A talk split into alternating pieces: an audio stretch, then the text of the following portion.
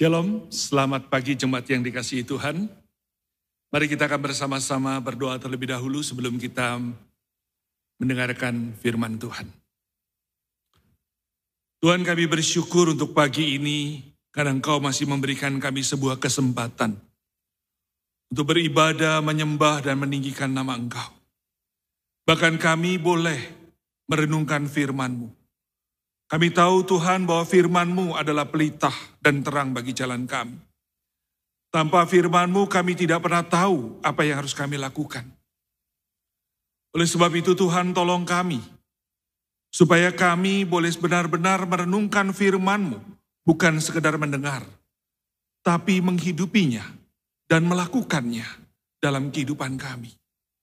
Sehingga firman itu boleh bertumbuh dan berbuah berkali-kali lipat. Pakai hambamu di dalam keterbatasannya untuk menyampaikan firman. Sehingga firman itu sesuai dengan apa yang engkau mau sampaikan kepada kami. Kami sungguh menyerahkan waktu ini Tuhan sepenuhnya ke dalam tangan engkau. Di dalam nama Yesus kami berdoa. Amin. Baik jemaat yang dikasih Tuhan, mari kita akan bersama-sama membaca firman Tuhan yang terambil di dalam Yohanes pasal yang ke-14 ayat yang ke-25 sampai dengan ayat yang ke-31. Yohanes pasal yang ke-14 ayat 25 sampai dengan ayat yang ke-31. Demikianlah bunyi firman Tuhan.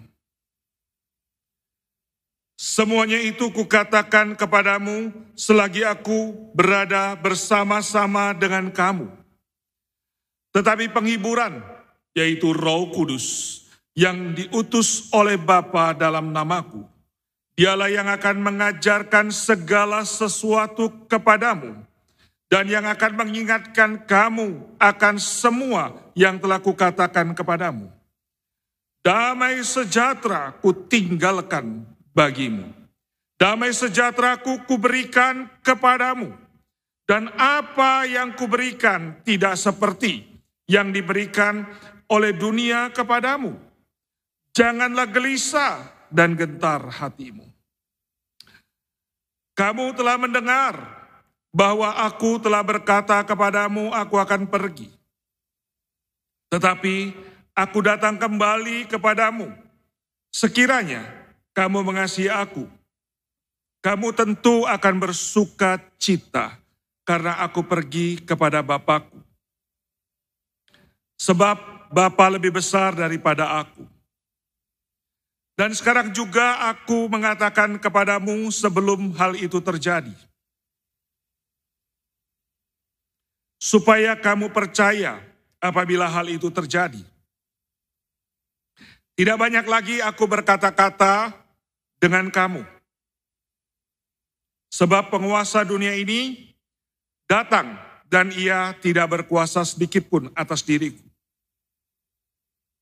Tetapi supaya dunia tahu bahwa aku mengasihi Bapa dan bahwa aku melakukan segala sesuatu seperti yang diperintahkan Bapa kepadaku.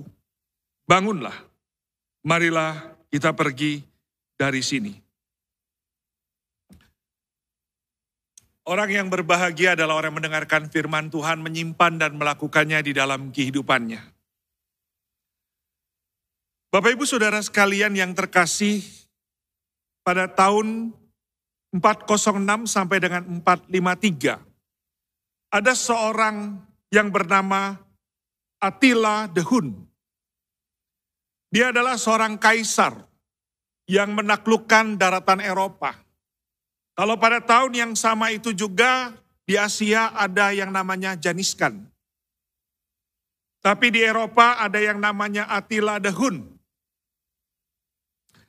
Nah saudara Attila Dahun ini sudah menguasai sebagian besar Eropa.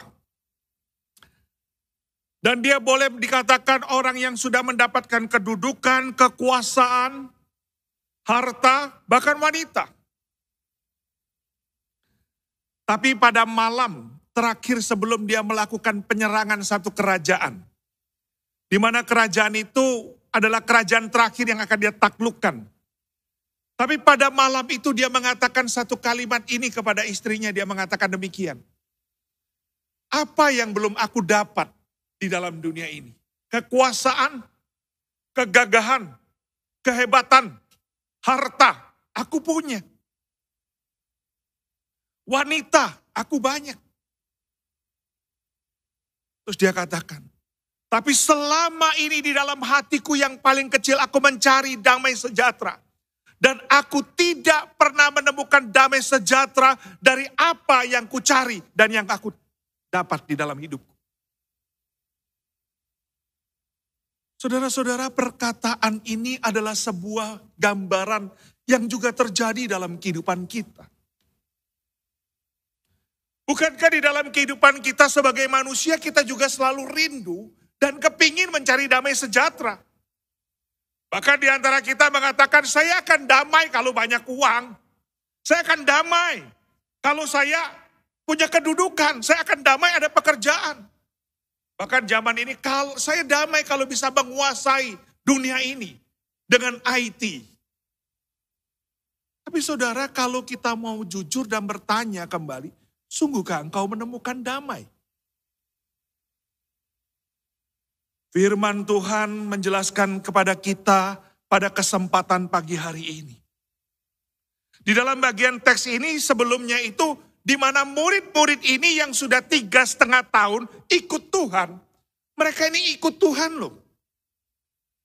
Mereka ini bersama-sama dengan Tuhan. Mereka melihat karya Tuhan. Mereka belajar tentang apa yang Tuhan lakukan. Kalau kita perhatikan jeli pada ayat 22. Di sana jelas sekali. Mereka ini bukan orang yang baru ikut Tuhan. Jadi murid-murid ini sudah ikut Tuhan lama, cukup lama, dan melihat karya Tuhan yang besar.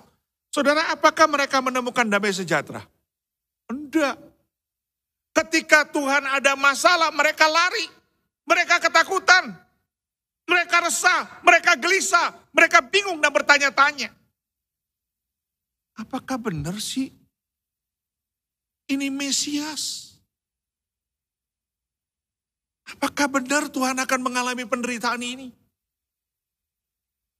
Tapi yang lebih menyedihkan lagi saudara, setelah mereka melihat Tuhan datang, Tuhan bangkit menyatakan diri karyanya, Tuhan tidak kalah. Eh, yang dipikirkan saudara, mereka bukan mikirin, waduh benar ini ada damai sejahtera. Enggak. Ini ikut Tuhan loh, murid Tuhan. Murid Tuhan. Kelasnya murid Tuhan bukan kelasnya orang awam, orang biasa. Ikut Tuhan dan lihat nih. Apa yang terjadi saudara?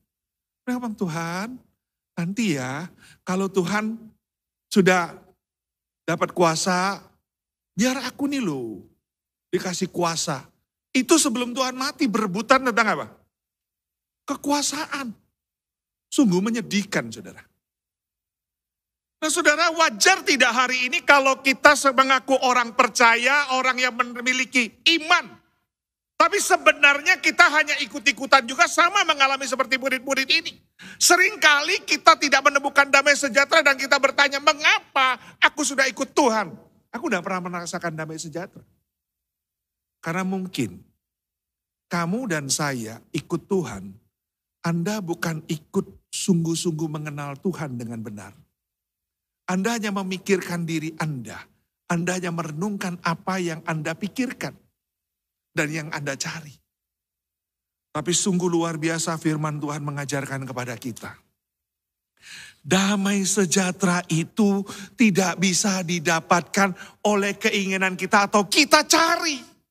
Tapi damai sejahtera yang sejati itu akan kita dapatkan ketika Tuhan membuka pikiran kita dan mata hati kita.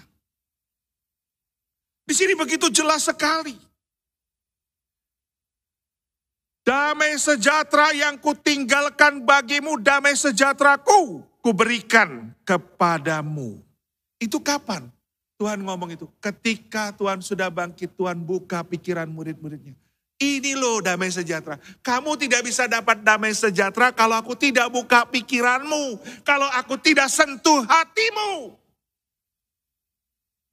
Artinya orang yang bisa mendapatkan damai sejahtera adalah orang yang pikir pikirannya dan mata hatinya sudah disentuh Tuhan. Sebelum ada sentuhan, selalu saja dia tidak akan pernah damai. Apa yang dia dapat tidak pernah puas. Saudara coba perhatikan hari ini banyak anak Tuhan. Sebagai anak Tuhan. Bergereja bertahun-tahun. Begitu dia dapat sakit atau dia dapat masalah. Tanyanya apa sama Tuhan? Tanyanya apa? Tanyanya gini, Tuhan mengapa aku? Kok gak dia ya? Kok enak bener ya? Seandainya kalau kita benar-benar mengenal Tuhan dan mengerti bahwa apa yang Tuhan berikan, baik itu sakit, baik itu sehat, baik itu pengalaman yang indah atau pengalaman yang tidak indah, maka kita mengatakan segala kemuliaan hanya bagi Tuhan. Karena Tuhan tahu yang terbaik. Itu adalah orang yang mata hatinya dan pikirannya yang sudah dibuka oleh Tuhan. Kemudian dikatakan apa? Orang yang bisa menemukan damai sejahtera bukan orang yang mencari. Tetapi yang kedua, hadirnya roh kudus yang diberikan Tuhan. Tanpa ada roh kudus dalam hidupmu, kamu tidak pernah ada damai sejahtera kok. Maka Tuhan tunggu nanti akan kirim roh kudus. Kalau kamu menerima roh kudus, kamu akan mengalami damai sejahtera. Nah yang perlu dipertanyakan hari ini mengapa kita orang percaya, orang yang mengakunya tiap minggu ke gereja, melayani, kalau kita sampai tidak punya damai sejahtera. Adakah kau menerima roh kudus dalam hidupmu? Adakah roh kudus yang mengendalikan? Dan poin yang ketiga yang terpenting, biarkan roh kudus tinggal dalam hidupmu. Jangan roh kudus itu cuma ditaruh di luar. Taruhlah di dalam hidupmu. Biarlah dia yang mengendalikan hidupmu. Maka kalau dia yang mengendalikan hidupmu, kau tidak usah khawatir. Tidak usah takut. Kenapa? Dia akan menuntun damai. Saudara, saya perlu berbagi sedikit. Di awal pandemi, orang sudah ribut di pandemi, nih pandemi, pandemi, Februari saya ngomong sama majelis. Eh kita harus siap-siap loh. Ini nanti pandemi, tahu-tahu gereja nggak boleh buka. Gimana ini? Februari saya ngomong, saya ingat sekali ya. Majelis ada yang jawab, loh pak jauh banget mikir. Masa nggak boleh buka gereja? Kalau gereja udah boleh buka, nah harus hati-hati saya bilang. Jangan-jangan nanti lama-lama pakai siaran langsung saya bilang yang selama ini di YouTube atau bagi apa. Ah nggak usah mikir gitulah. Saya ngomong siapkan, siapkan.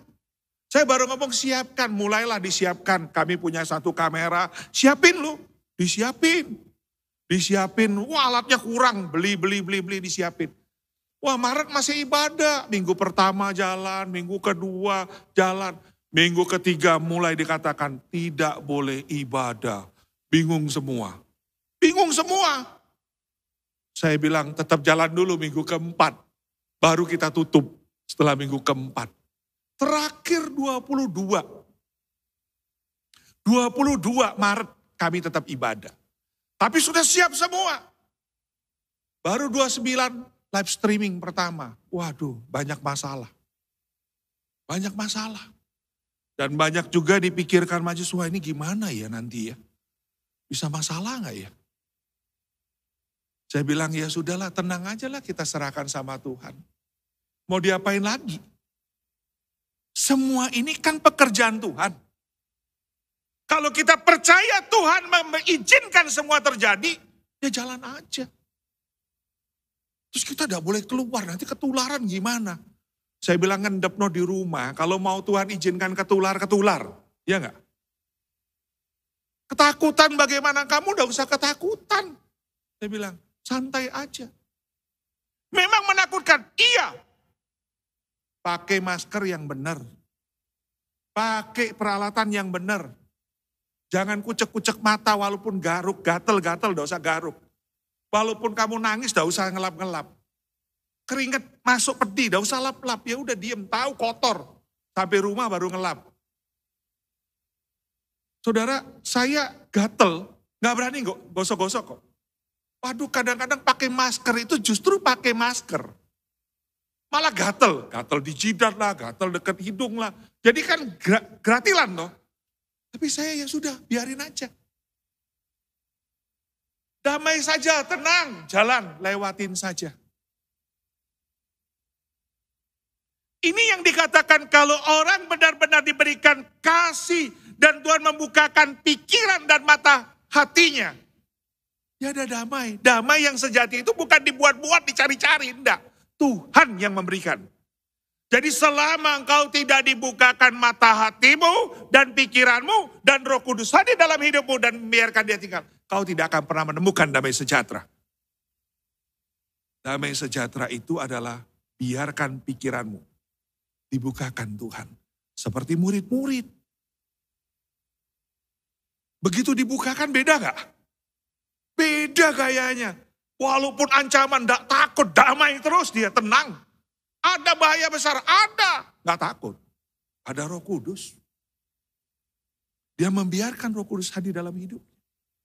Saudara ini yang sangat menarik saudara. Kata damai sejahtera. Dia menggunakan kata irene. Yang mempunyai pengertian terjadinya ketenangan atau pembebasan segala perasaan. Jadi kalau orang yang benar-benar mendapatkan damai yang sejati dari Tuhan, dia sebenarnya terbebas dari rasa takut, gelisah, dan perasaan apa pun. Damai sejahtera tidak sama dengan apa yang ada di dunia ini. Damai sejahteranya tidak membuat kita takut saat melihat ancaman datang dalam hidup kita. Gak perlu takut. Karena apa? Kita tahu apa yang kita dapat ini jauh lebih besar dari segalanya. Sekalipun kita di dalam bayang-bayang maut. Saya memahami Mazmur 23. Di dalam bayang-bayang maut. Ini loh yang dimaksudnya. Kalau engkau bersama dengan Tuhan, gak usah khawatir. Kenapa? Kau punya jaminan bahwa kedamaian sejati bukan di dunia ini, tapi bersama dengan Tuhan. Damai sejahtera tidak bisa dirampas oleh penguasa dunia. Gak bisa saudara. Kalau damai yang sejati itu hadir, gak bisa dirampas. Semuanya sudah ada pada kita. Gak ada yang bisa merebutnya. Maka itu saudara tidak ada damai sejahtera itu dibuat-buat. Damai sejahtera itu munculnya dari dalam. Karena Tuhan sudah memberi. Orang yang benar-benar menyerahkan hidupnya pada Tuhan dan mengenal Tuhan dan pikirannya sudah dibuka, hatinya sudah dibuka, dan roh kudus ada di dalam hidupnya. Dan tinggal dalam hidupnya. Dia pasti mampu menghadapi segala tantangan. Dan dia tidak pernah akan mengeluh. Kalau cuman ekonomi kurang, saudara. Dia tetap damai. Karena itu semua cuman sementara. Amin gak saudara? Kalau cuman sakit, saudara, dia tetap damai. Karena bagaimanapun juga orang pasti sakit. Kalau berhadapan dengan mendekat kematian, gak usah takut juga saudara. Setiap orang pasti kapan saja mati, tinggal nunggu harinya. Saya selalu ngomong, hari ini gua nganter orang meninggal. Besok lagi si itu meninggal. Tinggal nunggu aja, gue juga calon mayat kok. Setuju gak? Calon mayat. Kalau kita ketakutan, tidak damai saudara. Damai aja hidup. Kadang orang itu sangkin takutnya kesehatannya tidak baik. Makan ini jangan, makan itu jangan, ini jangan. Semua tidak makan, mati kita saudara. Coba perhatikan saudara. Dulu orang makan sayur biasa aja. Sekarang sayur ini tidak boleh. Sayur ini kenapa? Ada peptisidanya, ada ini. Makannya yang begini. Makan daging ini tidak boleh. Daging dagingnya harus yang putih. Putih tidak boleh. Ayam boleh, gak banyak juga. Telur gak boleh. Semua tidak boleh, lama-lama. Gak usah makan. Kalau orang ada damai sejahtera, saya makan semuanya, asal dalam batas. Seperti Amsal bilang, kalau nafsunya terlalu gede, taruh pisau di leher. Supaya kata orang Fujian itu tidak tamcia gitu loh. Ya, nggak tamcia gitu loh. Jadi ya makan, ya makan. Maka tenang, damai hidupnya. Kalau enggak, enggak damai, semua ini salah, ini salah. Sama juga saudara, dalam kehidupan kita. Menghadapi tantangan hari ini saudara. Kalau kita semua takut diam terus di rumah saudara. Stres saudara. Stres. Begitu keluar liar saudara. Nggak percaya. Coba lihat anak-anak muda dikurung sebulan. Keluar liar saudara. Kayak orang keluar dari hutan gitu saudara. Nah saudara, tetapi kalau kita ada Tuhan, kita damai kok dalam menghadapi segalanya itu tenang. Sekalipun ada ancaman berat. Inilah yang dikatakan firman Tuhan. Damai sejahtera sejati itu tidak bisa didapat di luar. Hanya dari Tuhan. Sumbernya dari Tuhan. Kalau Tuhan sudah berikan, maka kalau kamu sudah menerima, pasti. Sekalipun mengalami kesulitan apa pun, kamu udah ngeluh. Bahkan ketika gereja ngomong gini, Waduh ya, gereja ini kalau sekarang online ini persembahan kan kurang. Kan repot. Kita damai sejahtera saudara. Tetap damai sejahtera. Kenapa? Karena Tuhan yang memelihara pelayanannya. Gak usah khawatir. Bagian kita adalah melakukan apa yang Tuhan mau kita lakukan dengan baik. Itu jauh lebih penting. Nah saudara, mengapa kita harus tetap damai sejahtera? Mengapa kita harus tetap yakin berjalan bersama Tuhan? Untuk menghadapi semua tantangan? Jawabannya sederhana saudara. Karena Tuhan memberikan jaminan tentang sorga. Tuhan bilang, tidak usah takut. Apa pun yang terjadi, ini bukan tempatmu. Ini cuma sementara numpang lewat. Makanya Tuhan mengatakan, aku nanti pergi. Ke sana nyiapin apa? Rumah, untuk siapa? Untuk kita. Nanti kalau sudah tak jemput, berarti apa? Jaminan yang paling penting itu bukan di sini. Di sini tidak ada gunanya saudara. Apa yang kamu punya, apa yang kamu dapat satu hari ketika kamu pulang, kamu tetap tinggalnya di mana? Satu setengah kali dua. Terus ukuran tanahnya, lebarnya saudara. Rumahnya dua kali tiga. Enggak lebih tempat tinggalnya, iya enggak? Itu yang nyata. Tapi dikatakan ketika kau mendapatkan yang sejati di sana, itulah yang penting. Karena di sini apa yang kamu punya nggak dibawa ke sana kok. Saya ingat sekali saudara akhir-akhir ini lagi tren. Ada orang yang meninggal, emasnya dibawa, mobilnya dia mobil limusinnya dibawa ke kuburan, kuburannya gede saudara.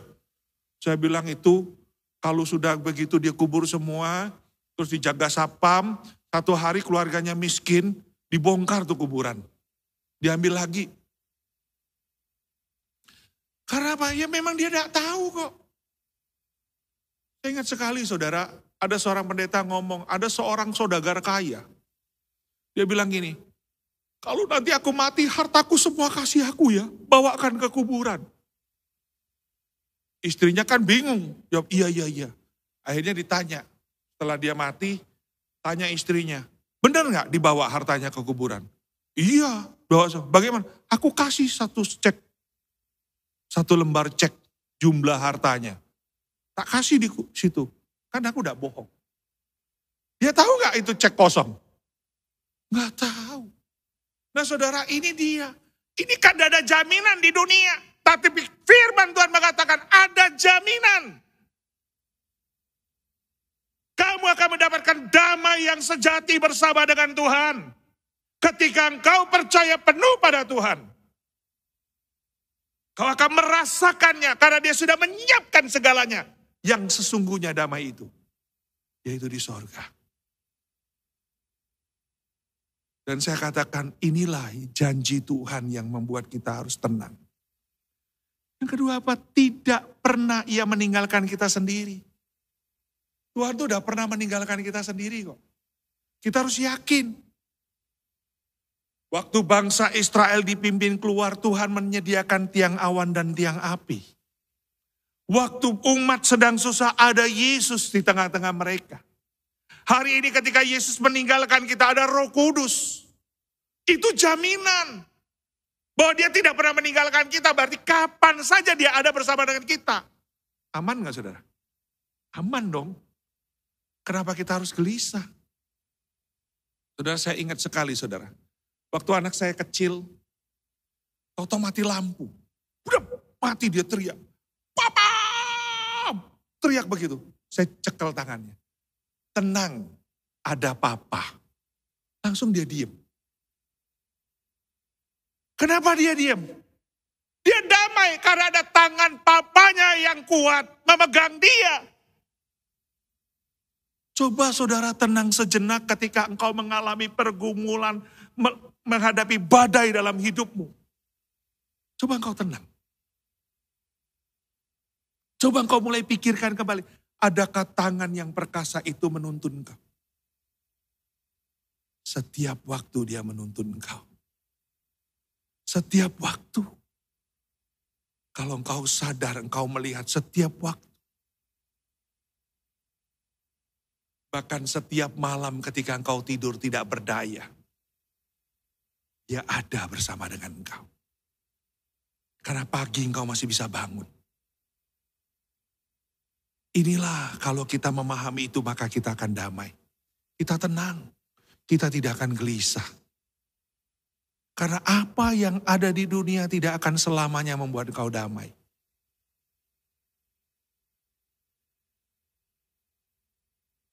Yang ketiga yang membuat engkau harus yakin bahwa damai itu tidak akan hilang dalam hidupmu janji akan kedatangannya yang kedua pasti digenapi.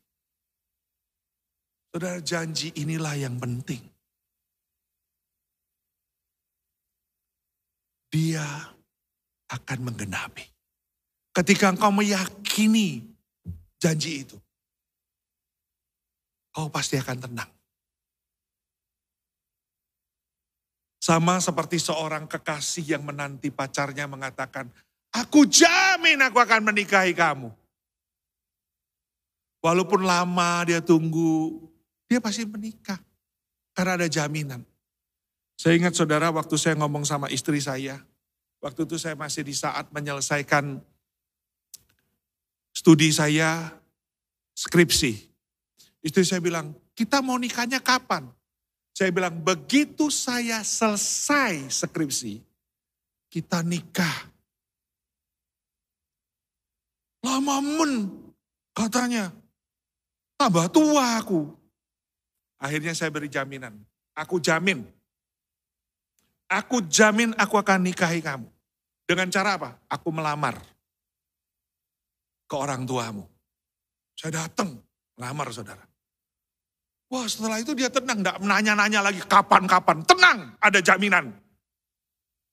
Nah saudara, ini juga ada jaminan dalam hidup kita. Tuhan ngomong, kamu udah usah khawatir, kamu tenang. Aku selalu ada, aku menyertai kamu.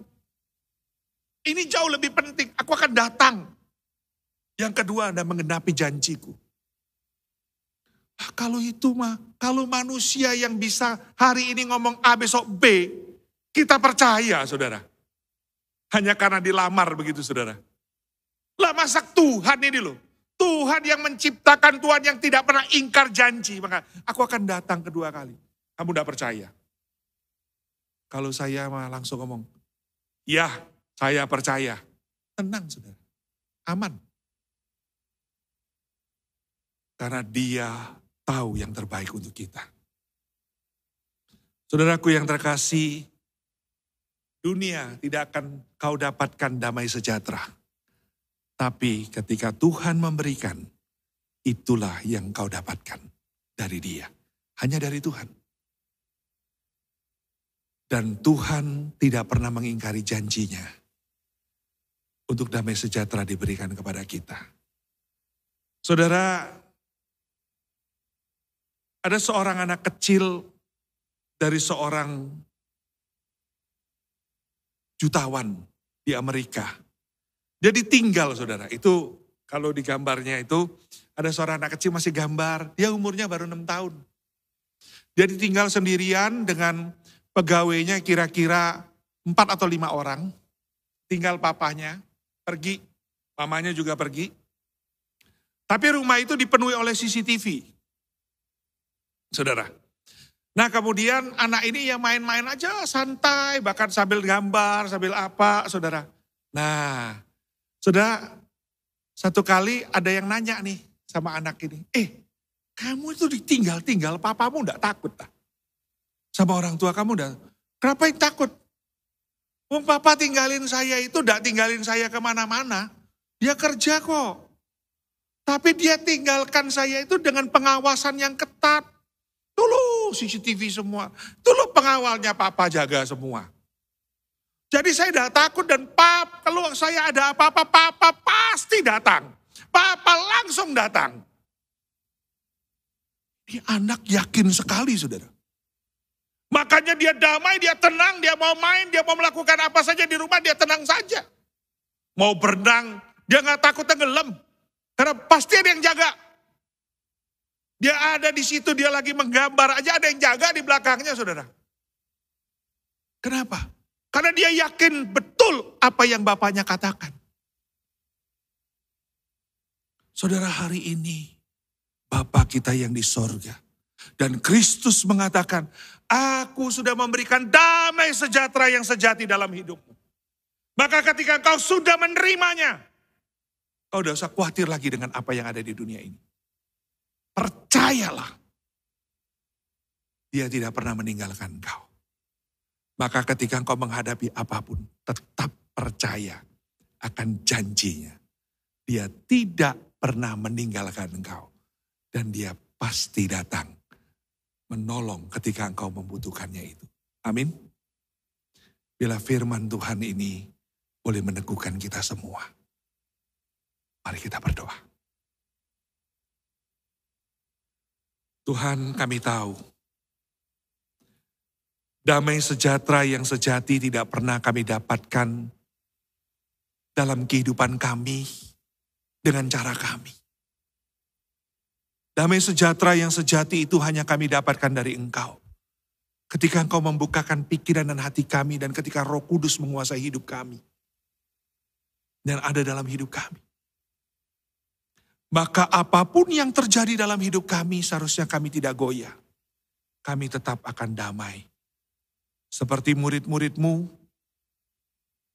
yang sudah engkau bukakan hati mereka. Sekalipun bahaya maut mengancam mereka, mereka tetap mengadakan damai sejahtera dalam hidup mereka. Tuhan, tolong kami. Biarlah kami juga percaya penuh kepada Engkau. Bahwa damai sejahtera sejati itu sudah Engkau berikan bagi kami. Dan saat kami membutuhkannya, kapan saja, Engkau ada bersama dengan kami. Biarlah firman Tuhan itu boleh meneguhkan kami dan menuntun kami. Tuhan, suara hambamu memang terhenti, tapi firmanmu akan terus berbicara dalam hidup kami. Ini doa kami itu. Di dalam nama Yesus kami berdoa. Amin.